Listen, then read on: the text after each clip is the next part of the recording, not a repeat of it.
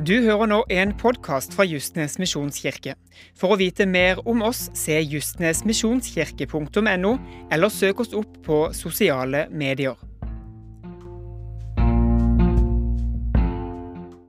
Vi er inne i en taleserie som heter Fundament. og Den kan bli ganske lang, den serien. Det betyr ikke at hver tale trenger å være så lang.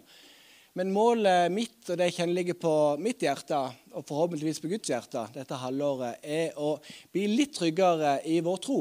Bli litt tryggere for det som vi tror på, det som vi står, står på. Og ikke minst òg bli tryggere på Guds ord. For som jeg pratet om Sist gang så møter vi jo ganske mye motstand i de tidene som vi lever i nå. Og det som var en klar sannhet for nesten alle for ti år siden, fem år siden, er ikke det i dag. Og det er krevende. Og så har jeg jo pratet litt om sist gang at Hvis du mener en del av det klassiske, konservative, som en mente før, så er det fort gjort at du blir bare kansellert og du bare blir dratt ut. og du, du, er sånn og du er sånn og du er sånn, istedenfor å faktisk prate om hva som er utfordringen, og hva som er rett og ikke rett. Så Derfor kjenner jeg at jeg har lyst til de tiden som vi lever i nå, så hjelpe menigheten og hjelpe meg sjøl til å få et bedre fundament, sånn at det blir lettere for oss å ha noe som vi kan stå på sammen. Det kjenner jeg for. Så jeg pratet med litt ulike folk de siste par ukene om menighet og kirke. For det er jo en ting som, som vi prater om igjen og igjen. Og igjen. Og så har jeg lyst, og jeg håper jeg skal klare å ha en litt annen vinkling enn den som er den standardvinklingen og de standardversene, sånn at vi kan tenke litt større og litt annerledes om hva ei kirke faktisk er. Men når jeg snakker med folk, så er det sånn ja, 'Hvorfor går du i Justenes misjonskirke?' Eller 'Hvorfor er dette en del av din menighet?' Og Da sier veldig mange at eh, jo, det er tilhørighet. Det er godt å være her. Jeg treffer kjente. Jeg kjenner at det er godt å være en del av gjengen her. Jeg føler meg velkommen. Jeg kommer for å tilbe Gud, gi Han æren med livet mitt. Jeg kommer òg for å lovsynge, og jeg kommer for å få forhåpentligvis noen ord i løpet av talen. Og bare det å være sammen og leve livet mitt for Jesus, det er menighet for meg, er det veldig mange som sier. Og så legger det jo til at de setter pris på den fantastiske barnekirka som er her at ungene trives i barnekirka og har det bra der. Og Da gleder det meg i fall ekstra mye at det er sånn det er. For det er jo det vi drømmer om og ønsker at menighet skal være. Og For ikke ta for mye ære sjøl i dag, så har jeg ei bok her som heter 'Johannes' åpenbæring'. Altså Det er nynorsk, nynoreksk. En samtidsvisjon. Skrevet av Hans Johan Sagrusten, hvis jeg sier etternavnet rett. Han har skrevet denne boka her, og noen av tankene som jeg deler i dag, er henta fra her. Sånn at, sånn at, hvis du finner på at du skal lese den, så, og tenker ja, dette har Jonny sagt, så deler jeg med deg at jeg har funnet noen tanker som er i den boka. her. Og Det kan anbefales for dere som har lyst til å lese litt mer. Og så er det ikke like lettlest som krim, altså, men det er likevel en veldig bra bok som jeg kan anbefale til dere. Det står, eh, Jeg skal lese til dere ifra trosbekjennelsen, som jeg så vidt var innom sist gang. Jeg tror på Den hellige ånd, en hellig allmenn kirke de hellige samfunn, syndenes forlatelse og legemets oppstandelse og det evige liv. Amen. Abraham Lincoln, tidligere presidenten i USA, han sa følgende Om alle de som sovner i kirka på en søndag formiddag, ble lagt ved siden av hverandre, ville de få det langt mer behagelig, sa Abraham Lincoln.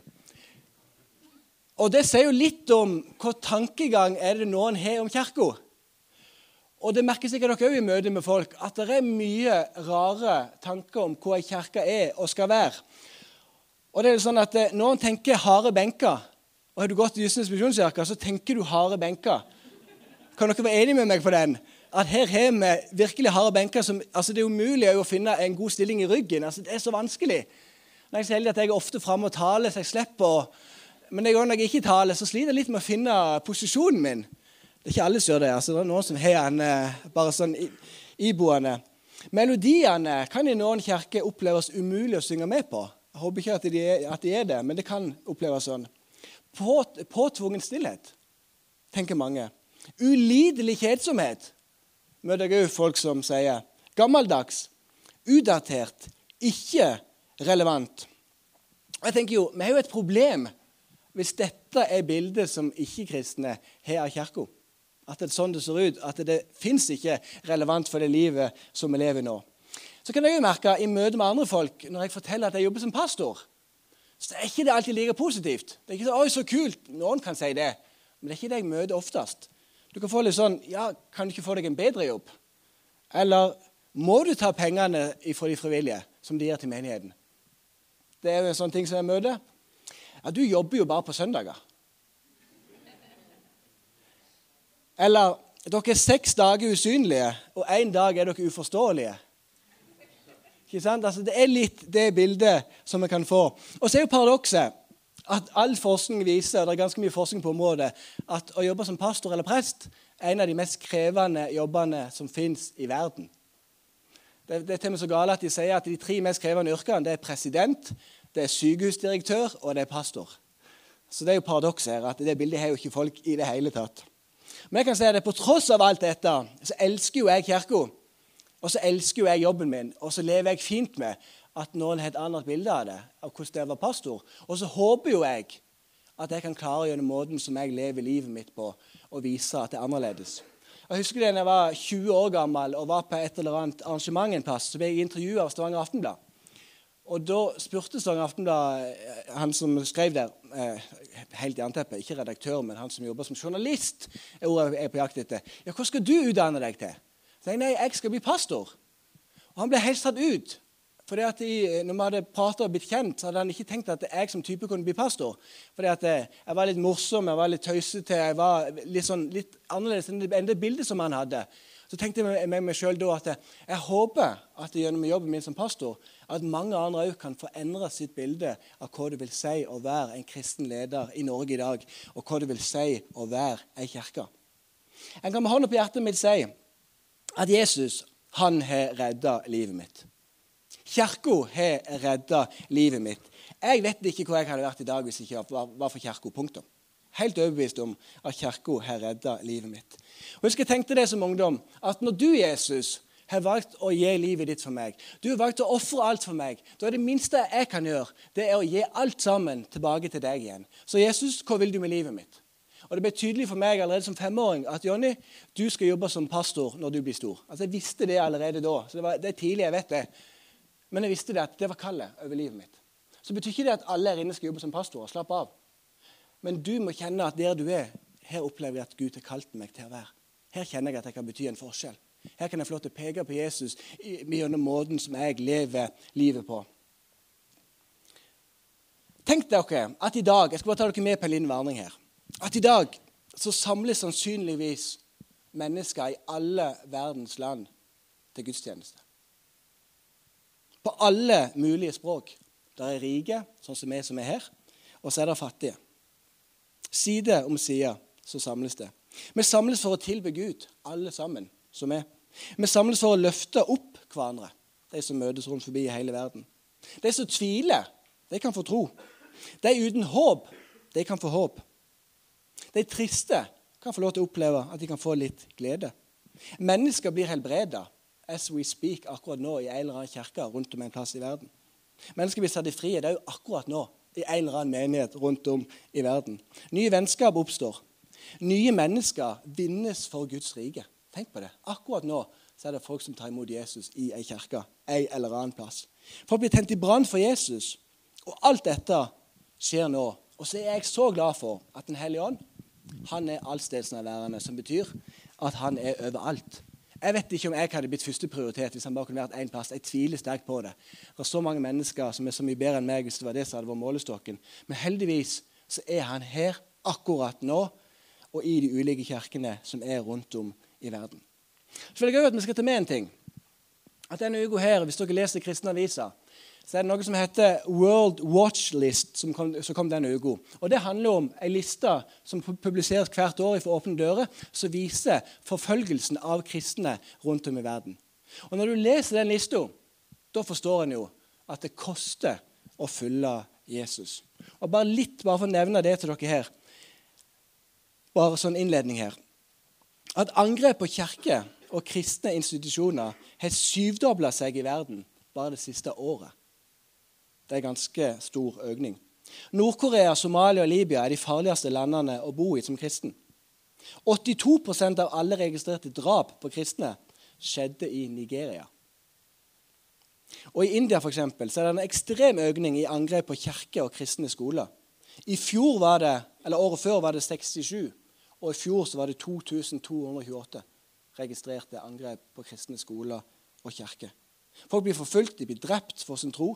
De risikerer livet sitt. Mange kirker har ikke, en, har ikke en bibel engang tilgjengelig, men de bare møtes. Og For noen så er det sånn at de får en bibel, og, og, og pastoren må bare rive ut alle sidene som er, og så man begynne å dele ut til folk i menigheten, sånn at alle kan få lov til å ha litt av Guds ord hver, og sånn at det skal bli lettere for dem å skjule Guds ord. Det er realiteten til noen. Noen møtes supertidlig midt på natta i en eller annen hule for å få lov til å tilbe Gud der som de er. 360 millioner mennesker lider pga. at de tror på Jesus. Og Dette er bare bakteppet for å vise at kirka er veldig forskjellig der vi er rundt om i verden. Og tenk dere at For 50 år siden, for 100 år siden da var det vi i Norge som sendte ut misjonærer til alle mulige land rundt om i hele verden. Nå er det motsatt. Nå sendes misjonærer fra Afrika til Norge, fra Asia til Norge, fra Sør-Amerika til Norge. At Norge er ikke så kristne for å bruke det uttrykket der, som de en gang var. Så det er snudd. Og så ber vi til Gud om at Gud kan ikke få lov til å snu en gang til. At vi kan få lov til å bety en forskjell for andre mennesker som er der. I Nytestamentet er det over 100 bilder på hvor kirka er. Og vi har ikke tid til å gå innom alle de 100. Men jeg skal nevne fem. Det er Guds folk. Det er Guds familie. Det er Kristi kropp. Det er et hellig tempel. Og så er det Kristi brud. Og så har jeg lyst til i dag å prate om menigheten ut fra Johannes' åpenbaring. Det er ikke så ofte vi taler ut fra Johannes' åpenbaring i Justnes misjonskirke. Kanskje ikke Misjonskirken Norge generelt, som vi er en del av. Er du oppvokst på bedehuset eller oppvokst i en pinsemenighet, sånn som jeg er, så var jo det hele oppveksten din. At Jesus kommer snart igjen. Og Vi hadde ei klokke i ungdomsarbeidet som hang på veggen. Den sto, den sto alltid på fem på tolv. Så skulle minne dere på at snart kommer Jesus igjen. Pass på hvordan du lever livet ditt, for plutselig blir du lagt tilbake. Altså, Det var hele greien. Så var det et enormt system på at det skulle skje sånn og sånn og sånn. Og sånn. Og så begynte jeg å studere teologi. Så hadde vi et fag som heter eschatologi, som handler om de siste tider. Og så ble hele hjernen min sprengt. For der var det et lass av teori om alle mulige ting. Og Jeg skal være ærlig med dere, jeg er ikke klar til den dag i dag å samle tankene mine om hva jeg mener skal skje i de siste tider. Én ting vet jeg. Jesus kommer igjen. Ellers er jeg ganske usikker. For, var, for jeg kommer fra det systemet. Sånn er det. Og så skjønner du at ja, kanskje det kan være litt annerledes. Men det vi kan vite, det er at en dag så kommer Jesus igjen. Jeg leser fra Johannes' åpenbaring, kapittel 2, vers 12 og 13.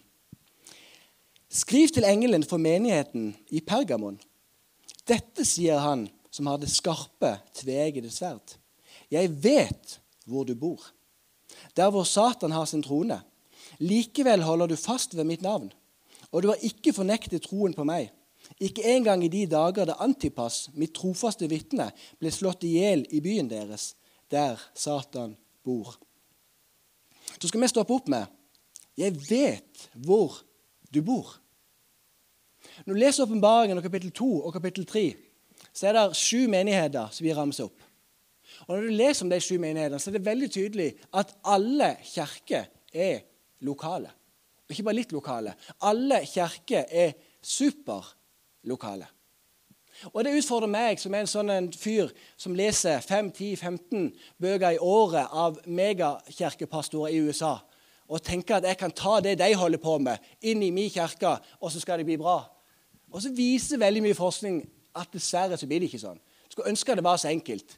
Ti punkt til å vokse menigheten fra 250 til 500 på fem år. Det er mange som har prøvd det. Det kan jeg bare si, og så ble det ikke så enkelt allikevel.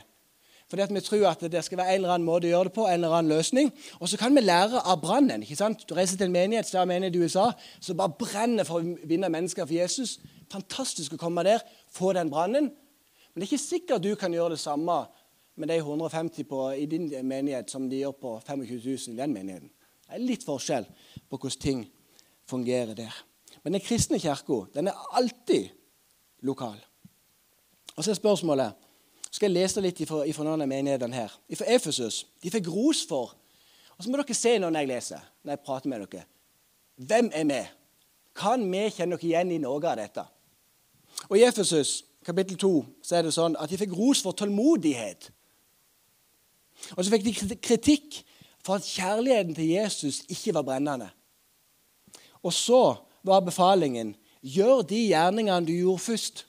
sånn at brannen blir tent igjen for Jesus. Kan du kjenne deg igjen i det? Det må du bare kjenne på. Og så er vi i Smyrna, kapittel 2.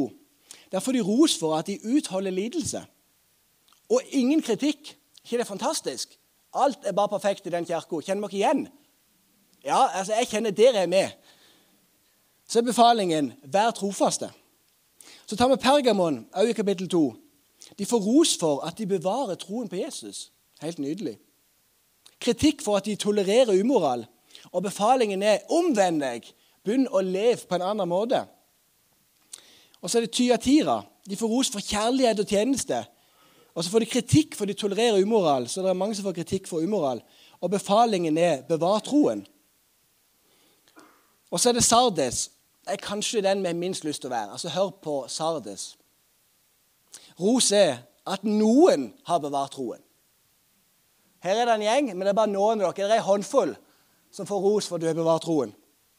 Kritikk en død menighet. Altså, Dette er jo det verste kritikken du kan få. Si at de kom til meg, en eh, generalsekretær i Misjonskirken Norge.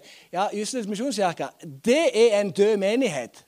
Jeg kan bare si at jeg hadde ikke kjent at det gjorde godt i kroppen min med å få akkurat den kritikken som er der. Og så får de befaling omvend deg. Så skjønner jo jeg nå hvorfor menigheten vil hete Philadelphia. Bare hør på det her, som kommer nå. Ros. De holder ut i troen og tar vare på Kristi ord. Kritikk ingen. Det er klart det vil hete Philadelphia istedenfor å hete Sardes. Dere er enige? Mye heller det. Så Gud velsigne Philadelphia. Og så er det Laudikea til slutt. Ros ingen. Kritikk, likegyldighet og befaling, vær brennende og omvend deg. Og så er spørsmålet hvor kirke vil du være? Og De menighetene som jeg snakker om her, de var ganske nyplanta. Det kan ha vært 10 år, det kan ha vært 20 år, det kan kanskje ha vært 30 år. med 10 år, vi som er her. Og likevel på så kort tid så er det mange av de som hadde vendt Gud litt ryggen. Og så hadde, hadde Jesus da et lokalt budskap til alle sammen.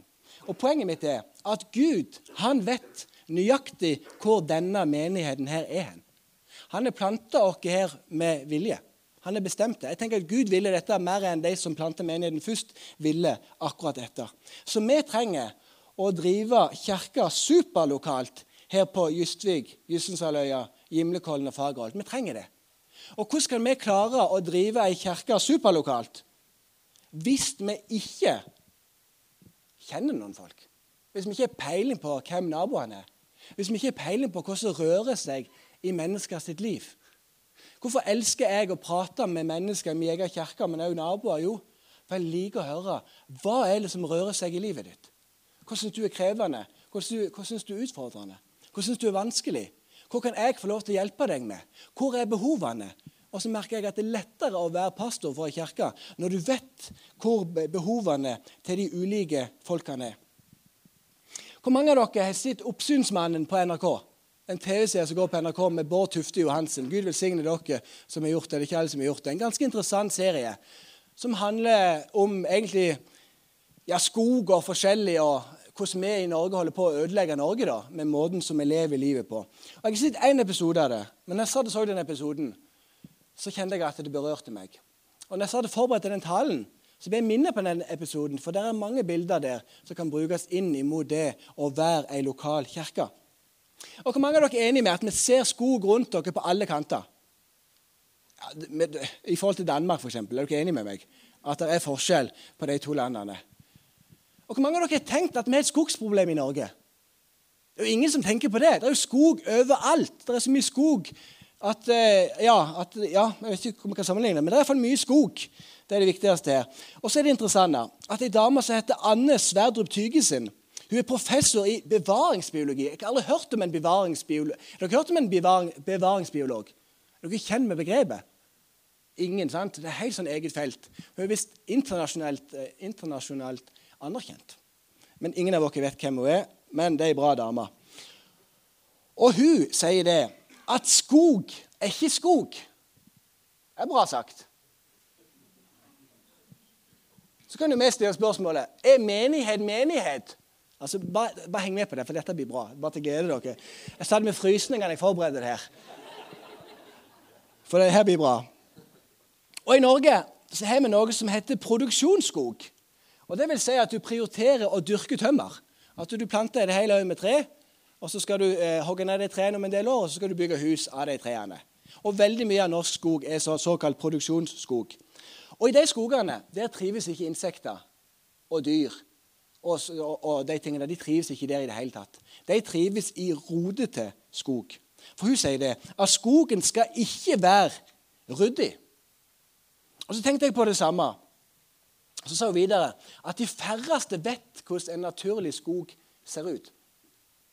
Og Så lurer jeg på hvor mange av dere vet hvordan en menighet egentlig skal se ut? Skal det være så ryddig som vi opplever at det er nå? Skal det det? Det fine med det er fint på mange områder, men noe av det jeg elsker mest når nye mennesker kommer til tro, som ikke har noe forhold til kirke, det er at de kommer inn, og så våger de å røske litt opp i ting. Så ser de annerledes ut. Og Så kan en merke litt at ja, ja, den personen er ny. Den passer ikke helt inn her. Jeg ser på spisen, altså, jeg skjønner hva jeg mener, det er litt sånn tullete, men vi kan få den følelsen noen gang.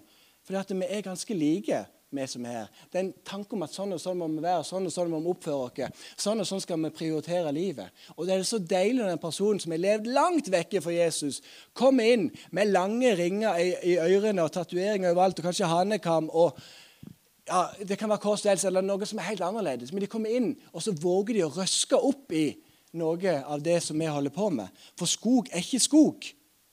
Og skog er noe som er uryddig. Så hvordan ser en naturlig menighet ut? Og skal det være så ryddig som det er i dag? Og så ble det et spørsmål her. Hvor mye urskog, altså skog som ikke er ødelagt og skog som er gammel, finnes det i Norge? Og så sa Bård Tufte. Jeg håper iallfall at det er 20% Og jeg tenkte at det bør jo være mye mer.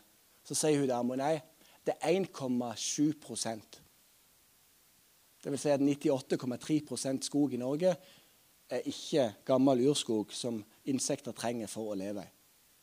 Det er ganske sprøtt. Og Da kan vi stille spørsmålet Det sies på papiret at vi er rimelig mange kristne i Norge i dag. Men hvor mange brennende kristne er vi? For å dra en parallell til det. Er det 1,7% Jeg vet ikke. Ikke peiling. Jeg stiller bare spørsmålet. Mange kirker og bedehus og menigheter det ser så flott ut. Vi ser jo spørsmålet hvor mye brann er det der inne? Hvor mye lengsel er det der inne?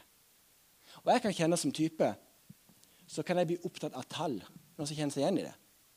Dere kan bli opptatt av tall.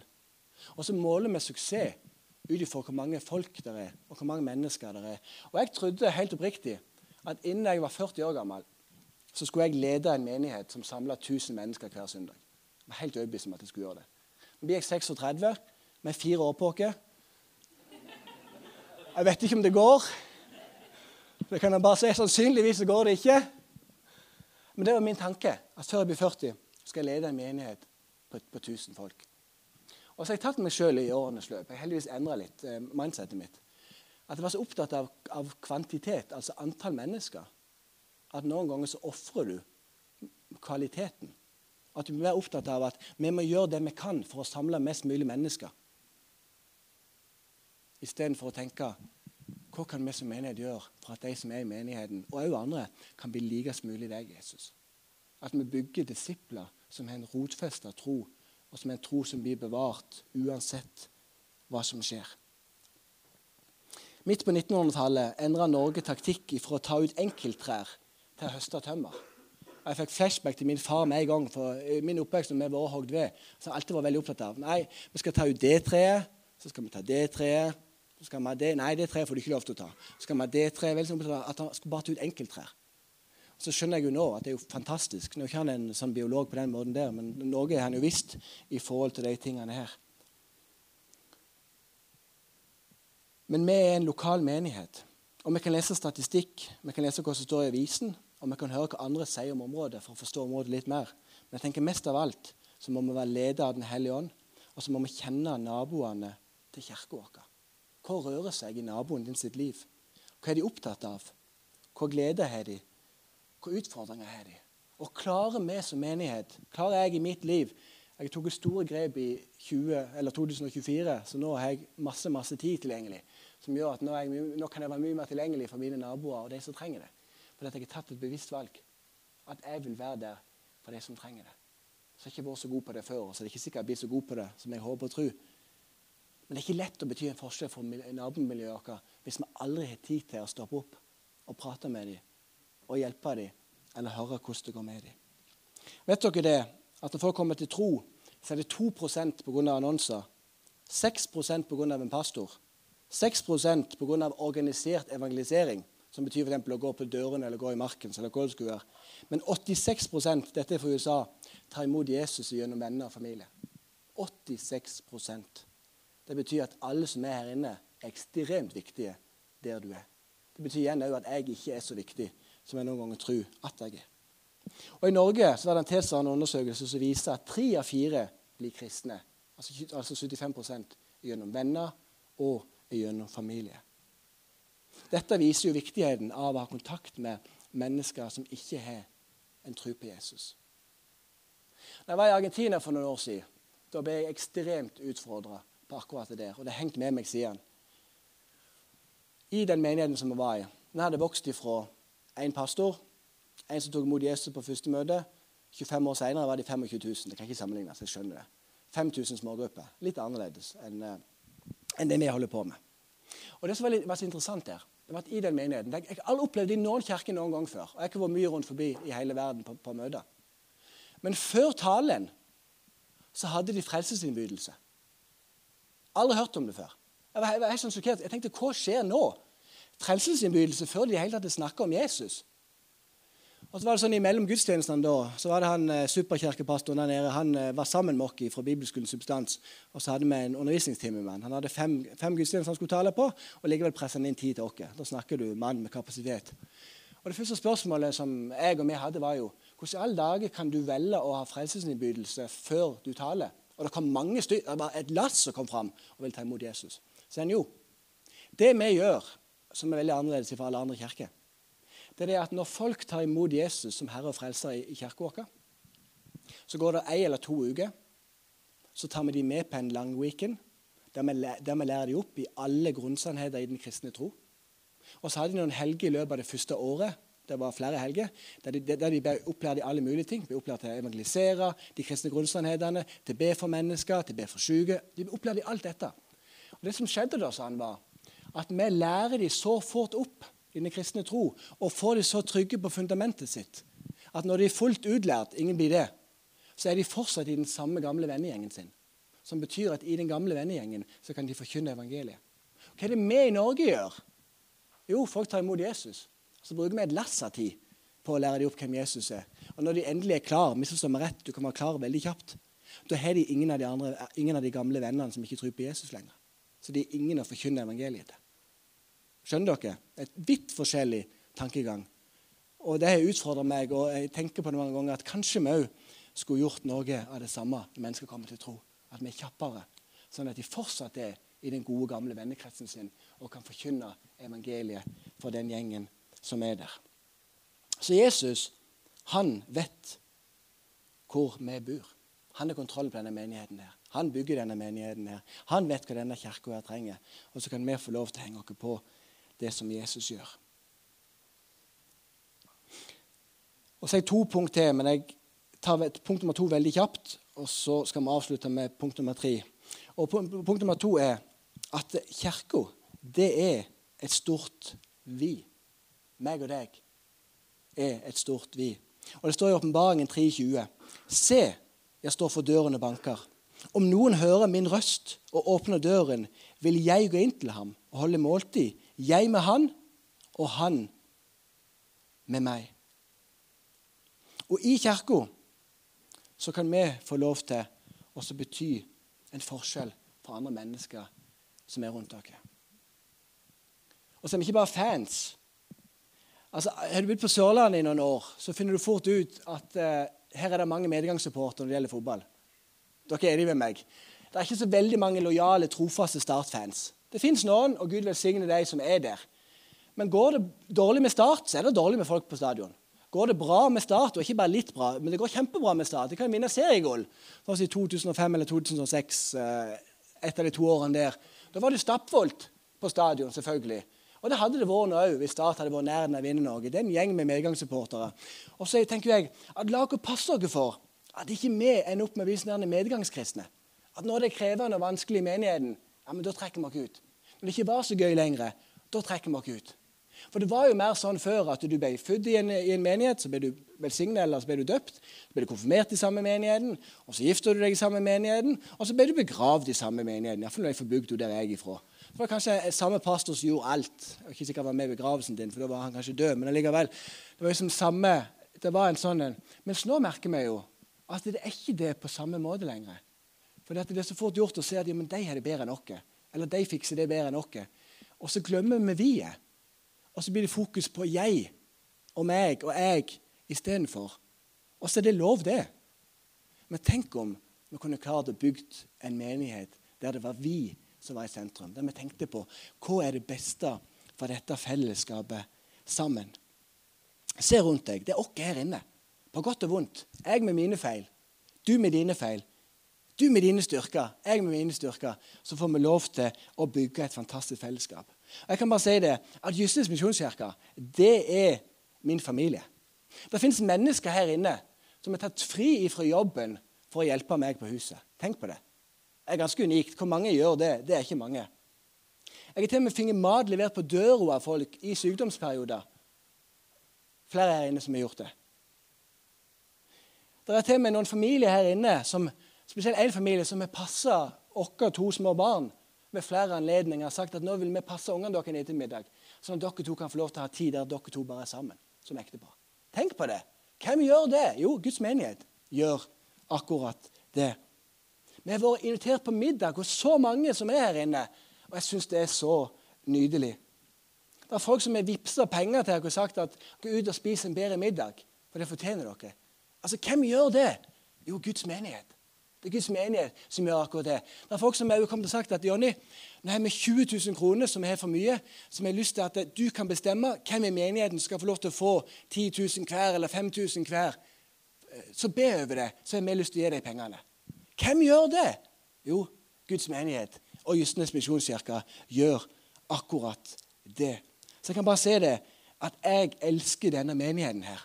Og denne menigheten her, det er et stort vi og meg og Kristine som ektepar vi kjøpte et svært hus. Ikke selvfølgelig det gøy å ha stort hus, men vi kjøpte et svært hus sånn at vi kan ha mye folk hjemme hos oss.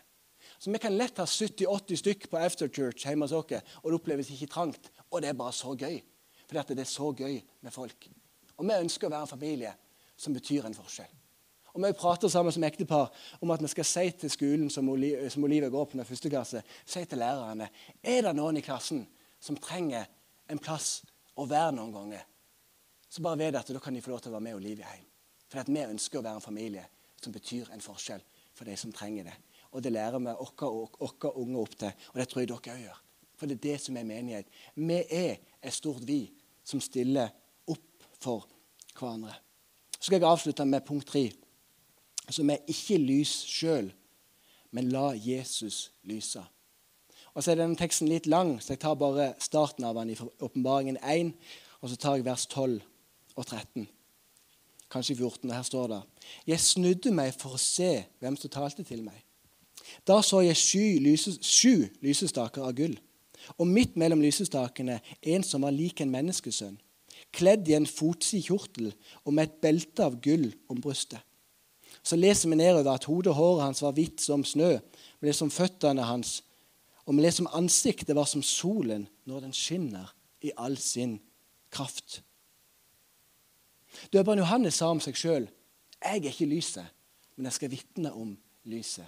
Så tenker jeg at vi som kirke vi er ikke lyset, men vi skal få lov til å vitne om Jesus. Vi skal få lov til å vise andre mennesker hvem den fantastiske personen Jesus er. Hvor ofte er det ikke meg sjøl i sentrum? Hvor ofte er det ikke enkelt å sette kirka si i sentrum istedenfor å peke på men det er Jesus det handler om. Det er han som er kongen. Det er han vi lever for. Det er han vi ofrer livet sitt for. Det er han som er den viktigste. Og Så leste jeg en historie om en menighet i USA. De hadde en hvit, svær vegg imot, eh, som var imot en, en svær vei. Og Der hadde de skrevet opp visjonen sin. Og Der sto det Vi forkynner Kristus korsfestet. Så sto de nedover. Så vi sto på toppen. Vi forkynner Kristus korsfestet. Og så var det noen eh, eføy som de hadde planta i bunnen av denne veggen. da. Og med årenes løp så passet de ikke så godt på dette. Så det første som skjedde, det var at eføyen vokste opp, og så strek den over korsfesta. Så sto der 'Vi forkynner Kristus'. Og det er bra å forkynne Kristus, men det er enda bedre å forkynne en korsfesta Jesus, som er død på korset, stått opp igjen. Så vokste det litt til. Så sto det bare 'Vi forkynner'. Ja, hva forkynner dere? Nei, det som passer. Så vokste det litt til. Så sto det bare, Til slutt så sto det bare 'Vi' på veggen. Og Noen ganger som jeg stiller spørsmålet Er vi der litt for mye tankegang at det handler om vi? Det handler om min menighet. Som jeg av og til sier, at det handler om at Gud sender vekkelse, men gjør det i min kirke. Ikke i de andre menighetene. Jo, de kan få lov til å få noen, de òg, men det er mer de som preller av her. som kan gå inn i de menighetene. Altså, det, det, blir fort litt sånn at Gud sender vekkelse, men hos meg. Og så jeg alltid ransake meg sjøl. Og så kan jeg ikke med hånda på hjertet si at jeg ønsker at alle mennesker skal vokse like mye som min egen. Jeg jobber med det. Men jeg, men jeg er et menneske, og Gud må knuse meg. Men, men jeg ber til Gud om at gjør hjertet mitt så ydmykt at jeg er like glad når det vokser i andre menigheter, til med nabomenighetene, som det er når det vokser her. For det handler bare om Jesus. Det handler bare om han. Det handler om at han vokser. Det handler om at han er viktig i livet vårt. Det handler om at han er kongenes konge, og ingen andre enn Jesus. La Jesus skinne. Kjære menighet, la dere ikke miste fokuset på Jesus. Vi er ikke lyset, men Jesus er lyset. Vi skal ikke skinne, men Jesus skal skinne. Vi skal ikke beundres, men Jesus han skal beundres. Vi er lampeholderen, og så er det han som er lyset. Så får vi lov til å være med på det som han gjør. Jesus han vet hvor vi bor. Han vet at vi er et vi. Og så ønsker han at vi skal være en attraktiv menighet der Jesus skinner. Det er min drøm. Lovsangeren kan bare komme opp. La Jesus skinne. Punkt nummer én. Gud, Gud vet hvor vi bor. Med en lokalmenighet som er med en hensikt. Og så er vi et stort vi, som er punkt nummer to. Og så er det det viktigste av alt. Det er personen Jesus. Den dagen jeg dør, så har jeg en drøm om at var det én ting de skulle si om meg når jeg dør, så var det at han der, han elsker virkelig Jesus av hele sitt hjerte. Det er min hovedvisjon for hele livet mitt. La Jesus bli stor, og la Jesus skinne, og la Jesus bli viktig. Klarer vi det, da er jeg helt sikker på at Gud vil at det skal komme vekst. Og ikke bare i antall folk, men òg i disippelgjøringa av mennesker her inne. Amen. Kjære Jesus. Jeg takker deg for at du er så uendelig stor og fantastisk. Takk for at det er du, Jesus, som bygger din menighet. Og så får vi lov til å være med, være med på det. Og hjelp oss, Jesus, til ikke å se på oss sjøl og vår egen tilkortkommenhet eller vår egen fortreffelighet, men dere kunne se på deg, Jesus, og bare forkynne deg. Du korsfesta. Se at men Kristus er korsfesta. Du er død på korset. Du sto opp gjennom vant en evig seier, far. Ber deg om at det må bli kjernen i evangeliet og det som holder på med Jesus. Deg, Jesus. Og er det mennesker her inne som kjenner at å, jeg skulle hatt en større brann? Skulle hatt en større lengsel etter deg, Jesus. Så ber deg Gud, eller ber deg Hellige Ånd, om å tenne en ny brann i hjertene til alle oss som er her inne. Kjenn det sjøl, for jeg trenger støtt og stadig å få en ny berøring og en ny brann av deg i mitt hjerte, sånn at fokuset blir rett. Og La det være sånn når de snakker om Gisnes misjonskirke, at det er en menighet som elsker Jesus. Og selvfølgelig å elsker mennesker, far, men jeg tror at når vi elsker deg, så vil folk merke at vi elsker mennesker. I Jesu navn.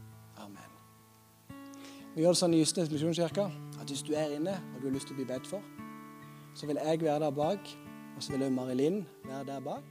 Så er vi to stykker som er der bak. som har lyst til å Du har nå hørt en podkast fra Justnes misjonskirke. For å vite mer om oss, se justnesmisjonskirke.no, eller søk oss opp på sosiale medier.